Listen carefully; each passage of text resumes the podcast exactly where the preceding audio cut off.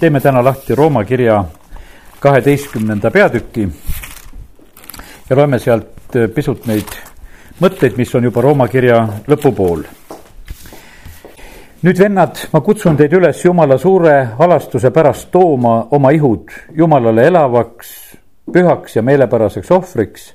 olgu see teie mõistlik jumalateenistus me nimetame selliseid kooskäimisi, nimetame jumalateenistusteks sageli ja, ja ega see on suure küsimärgiga, et mida me siis nii jumala teenimiseks ära teeme.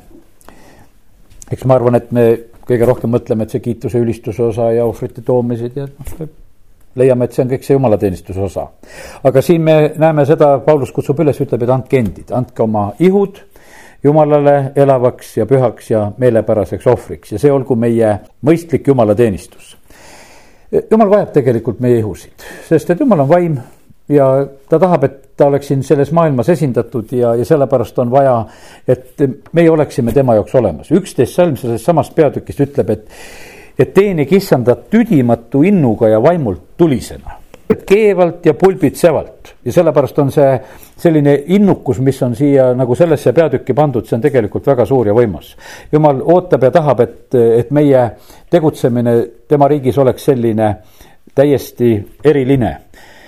Ja, ja siin on mitmed sellised juhatused, ma mõnele asjale võib-olla juhin tähelepanu, siin on räägitud sellest, et kuidas me selles ajas, kus me elame, see teine salm räägib sellest et selles ajastus ja selles süsteemis peame oma meelt ja mõtteid uuendama, et äh, katsuda läbi ja leida kogu aeg seda, mis on jumala tahtmine, mis on hea, meelepärane ja täiuslik. ja, ja siis on räägitud sellest, et jumal on jaganud igale ühele usumõõdu, siis tuleb see vaimuandide osa, ma ei peatu täna nendes vaimuandide juures, mis on räägitud, et igalühele on antud midagi. Aga ma tulen nagu just sealt üheksandast salmist edasi ja, ja kus on räägitud juba nagu sellest, mis meil peab olema. armastus olgu siiras, kurjast hoiduge, kiinduge heasse. jumal tahab, et meie armastus ei oleks mitte teeseldud, ei oleks silmakirjalik. kurjast hoidumine, see on äh, lausa selline, et jälestaksime kurja, võiks ütelda, et, äh, et me suhtumine oleks väga konkreetne sellesse aga heasse kiinduksime ja kleepuksime. Nii et eh, jumal kutsub meid üles, venna armastuses olge üksteise vastu hellad, vastastikuses austuses jõudke üksteisest ette. olge rõõmsad lootuses, vastupidavad viletsuses, püsivad palves. palves peab olema ustav, andunud, pühendunu, ei tohi lahkuda sellest ja peab sellesse jääma. siis õpetatakse seda, et õnnistame neid, kes taga kiusavad, õnnistage, ärge neetke rõõmsatega olge rõõmsad, nutjatega nutke, olge omavahel üksmeelsed, mõelge ühtemoodi, ärge mõelge kõrgilt, vaid laske ennast tõmmata madalamate hulka. ärge unistage enda kohta, ma vaatasin, oli vene keeles nagu kirjutatud selle koha pealt. ja ärge olge iseendi meelest targad. siis on üks selline lõik, mida ma nagu nägin sedasi ja võib-olla see mõte üldse mul sai alguse täna, kui ma, et täna seda kaheteistkümnendat peatükki lugeda. et ärge tasuge kellelegi kurja kurjaga. Hoolitsege selle eest, mis on hea kõigi inimeste suhtes. ja ma sain nagu hommikul sellise pildi, kui ma just ärkasin sedasi, et, et kui me kurja kurjaga tasume, et siis me teeme nagu ühe miinivälja. et me paneme neid miine, miinid on väga ohtlikud asjad, vaata kui ära mineeritakse sõja ajal, kas mered või, või põllud või maad ja siis on niimoodi, et ei tea, kuhu astuda võid. sellepärast, et see kõik muutub ohtlikuks. Ja hommikul, kui ma just ärkasin, ma sain selle mõtte, et, et meie mineerime selle maailma ümberringi niimoodi ära, kui me tegelikult seda kurja külvame, kui me kurjaga tasume. Ja, aga kui sa seda ei tee, sa oled tegelikult kõikjal vaba käima sellepärast, et sul ei ole midagi nagu, sest et aga igal pool, kus sa hakkasid kohut mõistma, igal pool, kus sa mingisuguse kurjaga sekkusid, siis on sul see koht on juba probleemne koht. sa pead sinna ettevaatlikult lähenema, sest sa oled ise selle plahvatuse sinna korraldanud. ja sa pead siis juba valvama, et kui sa sinna jälle lähed, et, et ei tea, mis seal juhtub. aga kui sa seda korraldanud ei ole, kui sa oled äh, vaba ja rõõmus, siis sul ei ole neid ohtlikke kohtasid jalasid. sa võid kõikjal käia ja sul ei ole mitte midagi vaja karta ja sellepärast aidaku meid Jumal, et me ise ei teeks selliseid rumalusi rumalusi. usaldaksime siin Jumalat, küll Jumal eh, saab eh, kõikidega hakkama ja usaldaksime teda, küll ta saab meie vaenlastega hakkama ka ja, ja ta teeb seda väga hästi. täna ei lähe ma ka selle juurde, kuidas nende vaenlastega peab käituma. siis on aga paned tähele sedasi, et, et üldse on see, vaimuannid said läbi, jumala teenimine, siis oli juttu usust, siis oli juttu vaimuandidest, aga edasi on tegelikult tegu meil omavahel õdede-vendadega suhtlemisega ja, ja siis nendega, kes võib-olla on vaenulikud, ka nendega tegemised. siis järgmine lõik räägib sellest, et osad on meie jaoks need, kes on valitsemas, kes on võimul, et kutsutakse üles samamoodi, et meie nendega ka, kes on oma positsiooni täitmas. Nad peavad olema kui jumala sulased ja teenrid issanda heaks ja, ja sellepärast jumal ootab, et ka meie käituksime nendega õieti, suhtumised oleksid õiged. ja seitsmes salm ütleb, et täitke, kolmeteistkümnes peatükk juba, kus ma olen, täitke kõigi vastu oma kohustused, maksu, kellele maksu, tolliraha, kellele tolliraha, kartust, kellele kartust ja au, kellele au. ja mis siin siis nüüd on? eks kindlasti au kuulub, väga selgelt kuulub ka Jumalale ja sellepärast on niimoodi, et Jumal peab saama oma osa kaasinimesed peavad saama oma osa ja kõik need süsteemid, mis meie ümber on, eh, ka nendes kohtade pealt me peame olema korras ja asjad peavad olema hästi. ja, ja siis läheb jutt edasi, et ärgu olgu meil ühtegi muud võlga kui ainult see võlg, et eh, üksteist armastada. sest kes armastab, on seaduse täitnud, siis on tuletatud meelde, mida käsk räägib, ei tohi abielu rikkuda, tappa, varastada, ei tohi imustada ja ei armasta oma ligemist nagu iseennast, selles on käsk siis kokku võetud. ja armastus ei tee eh, ligemisele kurja. Eh, kui ma tulen nüüd tagasi natukese selle jumala teenimise mõtte juurde, mida jumala teenimiseks jumala sõna peab väga otseselt ja selgelt, on hoolitseda vaeslaste ja leskede eest. ja see on üks huvitav kategooria, mis läheb Vanast Testamendist ja Uuest Testamendist läbi. jumala jaoks on täiesti eraldi kategooria vaeslapsed ja, ja lesed. ja sellepärast on see nii, et, et see peaks meil nagu ka meeles olema.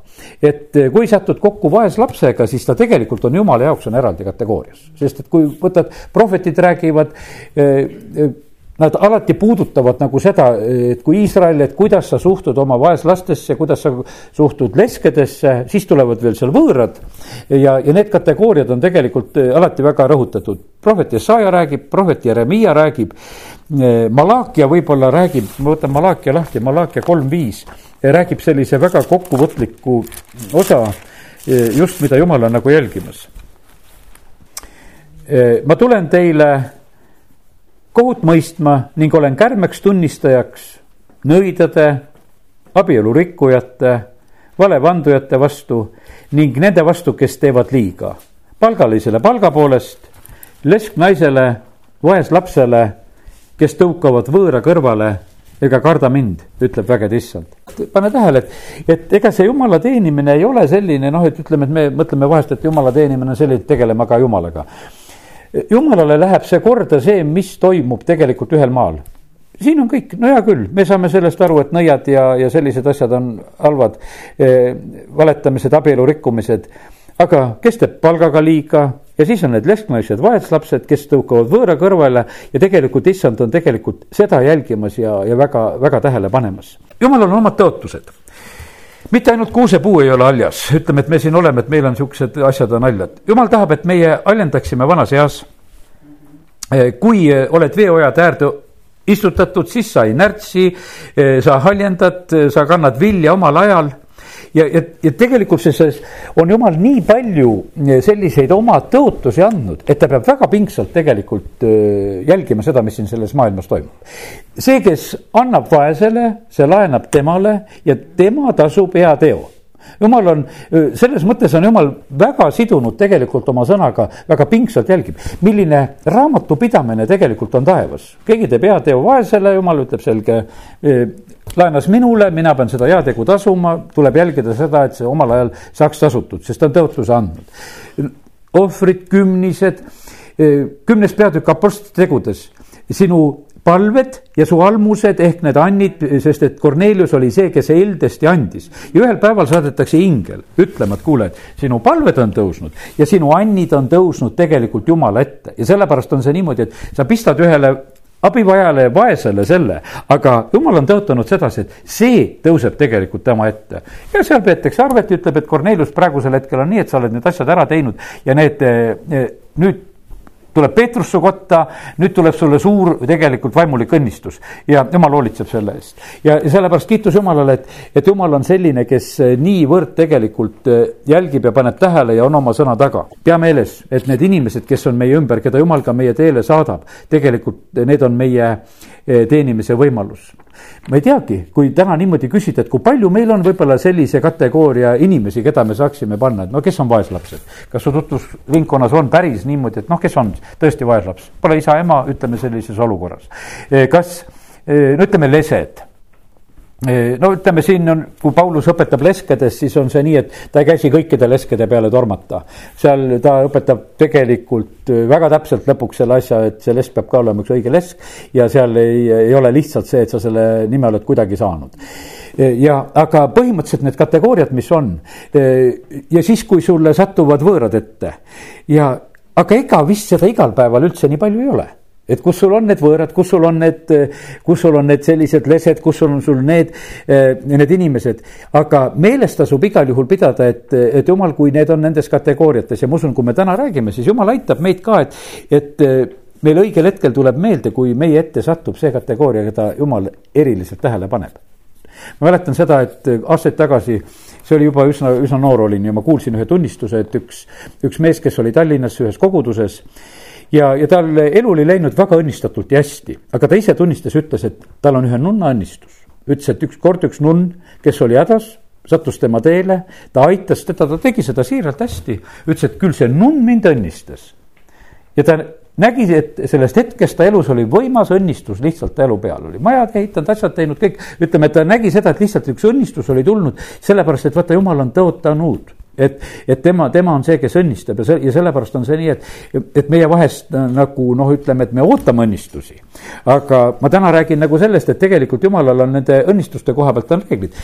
E, maksad kümnist ta avab taevaluugid, kallab õnnistust küllastusi, nii et su kojas oleks toidust. see tegelikult põhjustab seda, et tegelikkuses on sul toitu laual ja sul on toitu vaimulikus mõttes ja ja, ja see lihtsalt avab, see, see on jumala tõotused ja asjad, et kui me nende järgi teeme. ja sellepärast jumal on neid asju väga selgelt jälgimas ja, ja kiitus Jumalale, et täna võime jälle lihtsalt meelde tuletada, et, et me ei oleks kuidagi eksitatud ega petetud jumal on see, kes paneb haljendama, ma sain täna selle pildi, et vaata, kui eriline hetk tegelikult on ühel hetkel ja, ja sain südamesse, et täna lihtsalt õpetan ja, ja räägin teile seda lugu, neljas Mooses ja, ja seitsmeteistkümnes peatükk teeme lahti ja kuueteistkümnes äh, salm ja sealt edasi tuleb see lugu.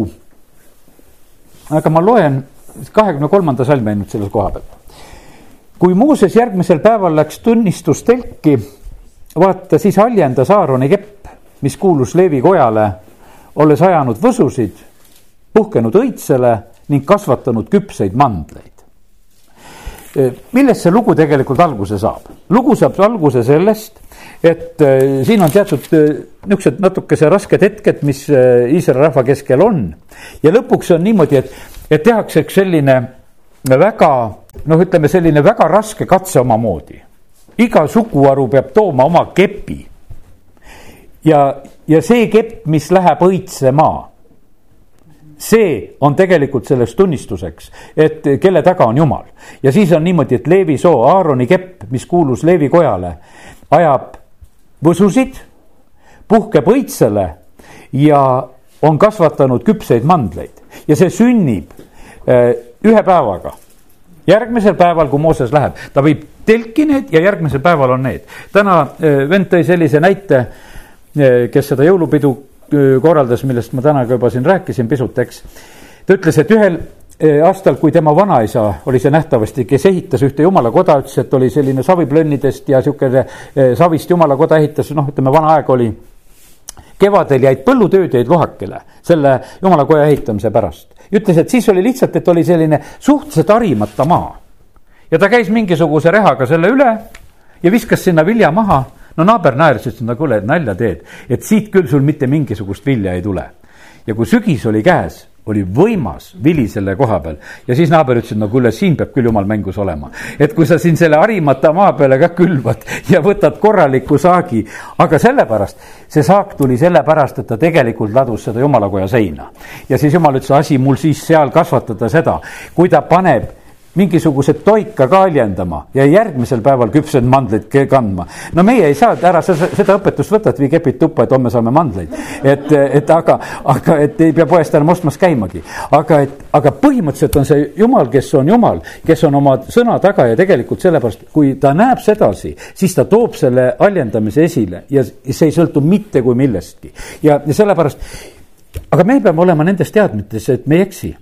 hiljuti ka oli selline, et inimene tuleb, räägib, räägib oma, oma õpetaja peale, kuhu kogudus seda nagu kuulub, räägib oma õpetaja koha pealt halvasti. mina ütlen, kuule, et ei, sul on hea õpetaja, ära, ära sa niimoodi räägi. tegelikkuses noh, saan aru, et inimene on õpetamata viimane asi, kui sa lähed jumala võitu vastu. no seda õnnetust sulle veel vaja, sellepärast et, aga sa lähed kogemata selle vastu, sa ei tea sellepärast, et, et siin see lugu, kus see kepp väljendama läks, lähme tagasi, see mõte tuli mul lihtsalt meelde. kuueteistkümnendast peatükist hakkab eh, siin see lugu nagu pihta, kus on Korahi jõugu selline vastuhakk. ja, ja Korahi jõuk lihtsalt on selliselt kirjeldatud, et, et nemad ühel päeval kogunevad kokku seal, teine salm ütleb tõusid üles Moosese palge ees, nõnda samuti kakssada viiskümmend meest Iisraeli lastest, koguduse vürstid kogudusest kutsutud nimekad mehed, nad kogunesid Moosese ja Aaroni vastu ning ütlesid neile, nüüd on küllalt, sest terve kogudus, nad kõik on pühad ja issand on nende keskel, mispärast te tõstate endid issanda koguduse üle? no ütleme, see üks põhjus, millele ma juba siin nagu viitasin, oli see, et, et õpetajal ei ole nii hääl ja diktsioon. kuidas ta üldse on saanud õpetajaks? vist on korruptsioon nõukogude ajal kuidagi endale selle kirikuõpetaja koha ära ostnud ja sai siis kuidagi kergemale, et kirikuõpetaja peaks olema, et ega näitlejaks ei saa ka sedasi, et sul on kehva hääl ja niisugune tore vestlus oli mul ma ütlesin, kuule, et Mooses oli samasugune, et ei saanud jutuga hakkama, aga jumal valis ja pani, pani sellise, kes jutuga hakkama ei saa, pani rahvast juhtuma. Mooses ise ütleb ka, ma ei saa hakkama, no hea küll, paneme sulle Aaroni kõrvale, kes aitab jutu vahepeal ära rääkida, et mis ta muidu ütles, eks. et ei saada aru ja, ja sellepärast, aga näete siin on samamoodi, et see Korahi jõuk ühel päeval, nad arvavad sedasi, et nad on nimekad, nad on väärikad, nad on koguduse vürstid, nad on öö, kõik sellised asjalikud ja, ja nad ütlevad, et nüüd on küllalt.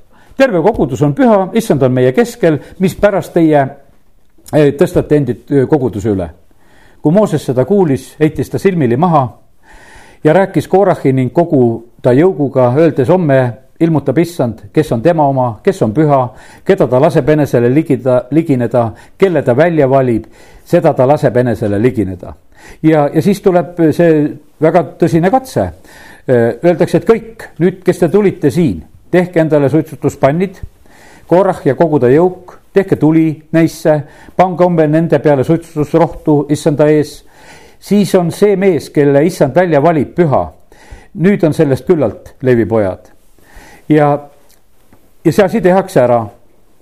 ja kaheksas salm ütleb edasi ja Mooses ütles Korahile, kuulge ometi Leevi pojad, on teil vähe sellest, et Iisraeli jumal on teid eraldanud Iisraeli kogudusest, lastes e-, teid ligineda ja toimetama issanda elamateenistust ja seisma koguduse ees, et seda teenida. ta on lasknud ligineda sind ja kõiki vendi, Leevi poegi koos sinuga ja nüüd te nõuate ka preestriametit Need oli niimoodi, et noh, nendel oli, ütleme seal telgi juures olid oma teenistusülesanded, mis olid. aga tegelikkuses oli nii, et kui sa olid juba seal lähedal, sul tekkis nagu see sihukene soov, et kuule, et, et nagu, nagu tahaks seda rohkemat ka saada. ja, ja Mooses kutsub neid selliselt korrale. sellepärast oled sina ja kogu su jõuk kogunenud issanda vastu, sest kes on Aaron, et te nurisete tema vastu. ja edasi see lugu kuueteistkümnes salm. Ja Mooses ütles Korahile, sina ja kogu su jõuk, olge homme issanda ees, sina, nemad ja Aaron. Iga mees võtku oma suitsutuspann, pangu selle peale suitsutusrohtu, iga mees toogu issanda ette oma suitsutuspann, kakssada viiskümmend suitsutuspanni, ka sina ja Aaron, kumbki oma suitsutuspann. Nad võtsid iga mees oma suitsutuspanni, tegid sellesse tule, panid selle peale suitsutusrohtu ja astusid koguduse telgi ukse ette, ka Mooses ja Aaron ja Korah kogus nende vastu terve koguduse koguduse telgi ukse ette. Korah oli tegelikult ikka üsna sihukest hoogu täis, mõtles, et oo tead, nüüd on vägev värk. et teised on oma paari panniga, aga meie oma kahesaja viiekümne panniga tuleme ja, ja, ja milline tuli on tegelikult meie poolt tehtud ja milline suitsutusrohi seal kõik tõuseb praegusel hetkel ja, ja tulge kõik rahvas, tulge kõik vaatama, tulge sinna. aga issand rääkis Moosese ja Aaroniga öeldes, lahkuge sellest jõugust, siis ma hävitan nad silmapilkselt aga nad heitsid silmili maha ja ütlesid, Jumal, kõige lihavaimude Jumal kui üks mees patu teeb, kas sa vihastud siis terve koguduse peale? ja issand rääkis Moosesega öeldes, räägi kogudusega ja ütle, minge ära Korahi, Taatani, Abirami elukoha ümbrusest. siis Mooses tõusis ja läks Taatani ja Abirami juurde ja Iisraeli vanemad järgnesid talle. ja ta rääkis kogudusega öeldes, minge nüüd eemale nende jultunud meeste telkide juurest. Ärge puudutage midagi, eh, mis on nende oma et teid ei hävitataks kõigi nende pattude pärast. no tegelikult oli ju see Iisrael niimoodi, see oli nagu üks telklinnak ju, mis seal oli. Nendel olid omad kohad, kes seal pidi koguduse telgi, mis külje peal olema ja kes seal oma ülesanded täitsid ja, ja nüüd oli niimoodi, et väga konkreetsed, et kes kus siis elasid ja nüüd antakse väga konkreetne käsk, et need, kes seal olid mässu tõstnud eh, Mooses ütleb, et nüüd tuleb nende telkide juurest, tuleb lihtsalt eemale minna. ja ta, ta räägib välja ka veel, kakskümmend kaheksa salm. ja Mooses ütles, et Eh, issand on mind läkitanud tegema kõiki neid tegusid. ja ma ei tee neid omast tahtest, vaid te saate teada sellest, kui nad surevad, nagu kõik inimesed surevad ja kõigi muude inimeste karistus tabab ka neid, siis ei ole issand mind läkitanud. aga kui issand laseb sündida midagi erakorralist ja maa avab oma suu ja neelab nemad ja kõik, mis neil on, nõnda, et nad lähevad elusalt alla hauda, siis te teate, et need inimesed on põlanud issandat no see, see ei ole naljalugu, kui sa räägid lihtsalt, et äh, seisad seal jalgadega maa peal ja ütled, et siin on selline lugu, et ma räägin praegusel hetkel teile, et kui maa all avaneb ja kui siin midagi erakorralist praegusel hetkel sünnib, et äh, siis on tegelikult noh, jumal näitamas seda, et, et äh, nad on tegelikult need vastuhakkajad. Ja kui ta oli rääkinud kõik need sõnad, siis sündis, et nende all olev maa lõhkes ja maa avas oma suu, neelas ära nende, nemad ja nende kojad ja kõik inimesed, kes kuulusid Korahile ja kogu varanduse. nõnda läksid nemad ja kõik, mis neil oli, elusalt hauda ja maa kattis nad ning hävitati, eh, nad hävitati koguduse hulgast. ja kogu Iisrael, kes oli nende ümber, põgenes nende kisa tõttu, sest nad ütlesid, et maa ei neelaks ka meid. ja issanda juurest läks välja tuli ja põletas need kakssada viiskümmend meest, kes olid ohvetanud suitsutusrohtu. Ega see asi ei lõppe sellega, no ütleme, kohutav lugu. Noh, ütleme, et väga raske lugu, mis juhtus, ütleme, et maa neelab, tuli issanda eest, põletab tegelikult seal kakssada viiskümmend meest, selline väga erakordne lugu, mis juhtub sellel kõrberännakul. Kuues salm ütleb seda, aga järgmisel päeval nurises kogu Iisraeli laste kogudus Moosese ja Aaroni vastu. järgmine päev ka julgust veel, nurisevad jälle. ja nurisemise põhjuseks oli see, et te olete tapnud issanda rahva. sellepärast, et noh, Mooses oli ju reaalselt see, kes ütles välja need sõnad et maa seal hakkab neelama ja, ja, ja kõik see asi, mis on praegusel hetkel sündinud ja, ja sellepärast see rahvas vaatas ikkagi, et noh, et kui sa nihukest juttu ei räägiks, nähtavasti võib-olla neid asju ei juhtuks. aga ei, Moosesel ei olnud, sest et Mooses anus ja palus, et jumal üldse seda rahvast ära ei hävitaks sellel hetkel. aga siiski eh, järgmine päev on jälle see nurin tõusnud. aga kui kogunus, kogudus kogunes Mooses ja Aaroni vastu ja nad pöördusid koguduse telgi poole, vaata, siis kattis seda pilv ja issanda auõigus ilmutas ennast. ja, ja kallid, sellepärast on see nii, et tegelikult meil alati tasub ikkagi igas olukorras, kus me oleme, meil tuleb otsida seda, et kus tegelikult Jumal oma au ilmutab. Jumal ei jäta oma au ilmutamata ja sellepärast on niimoodi, et vahest võib olla segased aegu, vahest ei saa aru, eh, kus olla või, või kelle taga olla või mis iganes. aga kallid, tegelikult on alati need sellised hetked, kus Jumal on varsti oma au jälle ilmutamas. siis Mooses ja Aaron läksid koguduse telgi ette. ja issand rääkis Moosesega, öeldes, minge ära selle koguduse keskelt ja ma hävitan nad silmapilkselt. siis nad heitsid silmili maha. ja Mooses ütles Aaronile, võta suitsutuspann, pane selle peale suitsutusrohtu ja vii kiiresti koguduse juurde ja toimeta nende eest lepitust. sest issandalt on lähtunud vihahoog ja nuhtlus on alanud ja tegelikult selles nuhtluses järgmisel päeval, kui see rahvas nuriseb, hukkus neliteist tuhat seitsesada inimest. Selles, sellel päeval sureb. Ja, ja nüüd on ainukene asi see, et, et Aaron teeb kähku veel seda ohvriteenistust seal. Ja kui ta oli selle ära teinud, siis tegelikult see nuhtlus peatati. viisteist salm ütleb ja Aaron tuli tagasi Moosese juurde koguduse telgi uks, ukse ette, sest nuhtlus oli lakanud. Ja, ja nüüd juba me seda järgmist lugu juba lugesime, sest et siis veel tegelikult äh, Mooses paneb asja paika, ütleb, et aga nüüd ma viin koguduse telki iga suguharu kepi ja vaatame, kelle kepp haljendab, kelle jumal on valinud, keda jumal laseb ligi minna. see ei ole mitte nagu lihtsalt, et igaüks tahab ja teeb, mis ta tahab, vaid et see, see ei ole mitte sellest, vaid kelle jumal on valinud, need lihtsalt teevad seda ja täidavad neid ülesandeid. ja, ja sellepärast nii see on ma sain nagu selle mõtte nagu sellest, et ma nägin, et eh, kui eh, koguduse liige nuriseb oma õpetaja vastu, no ütleme sellistel põhjustel, et, et on mingisugused diktsioonid ja asjad ja no täitsa eh, kuulata huvitav. ja, aga ma leidsin sedasi, õpetamata oled, kallis inimene, sa oled nii õpetamata, sa tegeled tegelikult väga ohtliku asjaga. Ja sellepärast ma mõtlesin, et tahaks oma rahvast küll õpetada, et ei oleks sellist lihtsat rumalust, et ei, ei tea, mille pärast siis nuriseda või, või hakata nagu mingisuguse asjaga pihta. sellepärast, et tegelikult on, me näeme sedasi, et jumal ei lase puudutada oma võituid kui ta on valinud, siis ta on valinud ja, ja ta ei anna, ta ei anna mingisugust õigust, sellepärast et see on niimoodi täpselt, et vaata võtan endale naise, ega ma ei lase igalühel ütelda ta peale, kes midagi tahab ütelda. ei lase lastel ütelda, ei lase lastelastel ütelda, ei lase kellelgi, sellepärast et see niimoodi on. kui vahest sõlmitakse uued abielud, toimub nagu uus abielu, ütleme, et on juba seal need lapsed peres juba olemas. siis äh, see tegelikult ju juhtub selline olukord, kui on uus mees majja tulnud ja, ja lapsed on võib-olla harjunud võib-olla oma emaga käituma kuidagi noh, haukuma või rääkima. uus mees ütleb, et kuule, see on nüüd minu naine ja ma ei luba, et minu naisega niimoodi alatult käitutakse, sest ta paneb tegelikult korra kehtima, ütleb, et noh, see ei kõlba, sest ma ju teda armastan. ma ei saa seda lubada ja me näeme sedasi, et niimoodi süttib tegelikult jumala veaga, ta ütleb, et no mina valisin omale sulase ja kes see julgeb siin nüüd lõugu lõksutada, et midagi on valesti läinud, et mina ei osanud valida või.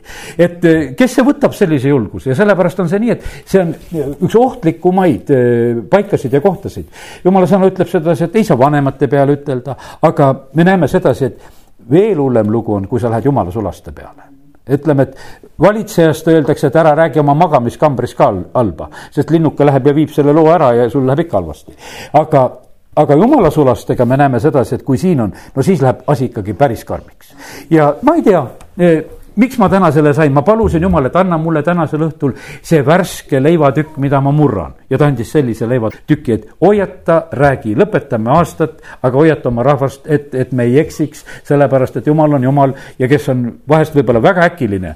ja, ja pigem on tegelikult käia eh, selles pühaduses ja nii, kuidas tema oma sõna järgi juhatab ja siis on tegelikult õnnistused meiega ja me ei pea mitte kartma, sest ta on tegelikult valvas oma sõna teoks tegemas. ja, ja sellepärast ta tahab õnnistada no võtame midagi ilusamat, mis meile nagu rohkem meeldib, viies Mooses kakskümmend kaheksa. sealt alguses on nüüd õnnistused, ärme täna seal eh, nende needuste poole peale lähegi ja, ja pane tähele, et kuidas jumal tegelikult tahab õnnistada, kui sa kuulad oma jumala häält. pead hoolsasti kõiki tema käske, mida ma täna sulle annan, siis tõstab issand su jumal, siis ta õnnistab eh, su ihuvilja ta õnnistab su maapinna saaki. ma täna rääkisin sellest, tõin lihtsalt näiteid selle maailma sellistest suurtest ja kuulsustest ja näiteks äh, äh, Mendelejev, kes lõi selle keemiliste elementide perioodilisussüsteemi. ta oli seitsmeteistkümne lapselisest perest et noh, lihtsalt lõin Google'i lahti ja vaatasin, et Mendelejevi kohta, mis öeldakse, leidsin sedasi, et sellise suure pere laps ja, ja temast saab selline, kes tegelikult jääb eh, maailma ajalukku ja, ja, ja sellepärast on niimoodi, et jumal õnnistab, õnnistab ihuvilja poolest, no me ei kujuta nagu praegusel ajal ettegi, et kuule, et on seitsmeteist lapsega pere. aga, aga see, see oli ja sealt on sündinud need, kes on olnud tegelikult õnnistuse kasuks, jumala sõna ütleb, et, et õnnistab ihuvilja. see on nagu üks esimene asi, mida ta õnnistab. Järgmiseks on maapinnasaak siis on karja juurdekasv, veiste vasikad, lammaste ja kitsede talled õnnistab korvi, õnnistab leivaküna, õnnistab tulles ja minnes. paneb vaenlased, kes su kallale kipuvad, eh, su ette kaotust kandma, nad tulevad su vastu ühte teed, aga nad põgenevad seitset teed mööda sinu juurest issand käsib õnnistust olla su aitades ja kõiges, mille külge sa oma käed paned. issand õnnistab sind maal, mille issand su jumal sulle annab. Issand ülendab sind enesele pühitsetud rahvaks. ja, ja sellepärast on see, tegelikkuses on see niimoodi, et vaata, kui jumal jälgib seda, et, et kui ta sõna järgi tehakse, siis ta on tõotanud sedasi, et kuule, et ma pean seda tegema.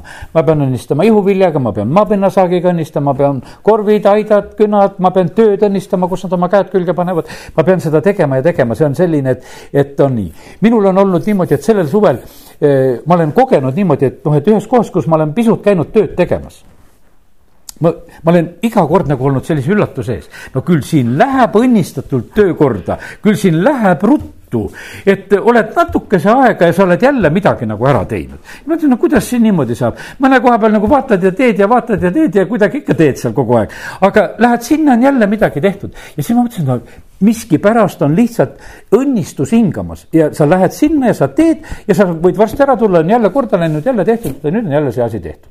ja asi korras ja, ja sellepärast see on super tegelikult, sest et see on märgatav, kus on õnnistus. õnnistus ei ole selline asi, et, et sa pead ära arvama, kas on või ei ole. see on tegelikkuses märgatav väga selgelt, sellepärast et jumal on pannud sellele asjale, need asjad haljendavad, need asjad lähevad korda ja, ja sellepärast kiitus Jumalale, et, et Jumal tegelikult on see, kes väga tahab õnnistada, Jumal on see, kes, kes paneb kasvõi kõrbe õitsema, nii nagu ütleme, Iisraeli maa. Iisraeli maa on tegelikult selline maa. seal on õnnistus seotud väga selgelt selle ühe valitud rahvaga. sest seal käib ju see, maatükid käivad käest kätte ka. seal on niimoodi, et kui nad tulid, ütleme siin möödunud sajandi alguses, siis oli see maa nii soine, eh, nii vilets, et eh, loomad ka ei tahtnud seal elada. tulid juudid kohale maa läks õitsema. Ja hakkas vilja kandma ja kõike. ja, ja siis võib näha seda ka, kui, kui nad mingisuguse maatüki ära annavad, siis varsti see maatükk enam ei õitse, ei kanna vilja. Ja see tõesti on see maa, mis tegelikult õitseb. See maa õitseb ja kannab vilja. Ja, ja sellepärast jumal on nagu selle taga, ma täna nagu see eh, õitsemise mõte sai ka nagu, nagu selliseks pildiks ja see, see ilmutus sellest kepist, mis läheb õitsema. Ja sellepärast usu seda, et kõik saab õitsema minna jumal saab kõik õitsema panna ja, ja sellest ta on oma tõotuste taga ja, ja ta teeb seda ja sellepärast ole lihtsalt kindel oma jumalas ja ta ei jäta mitte kuskil meid häbisse. amin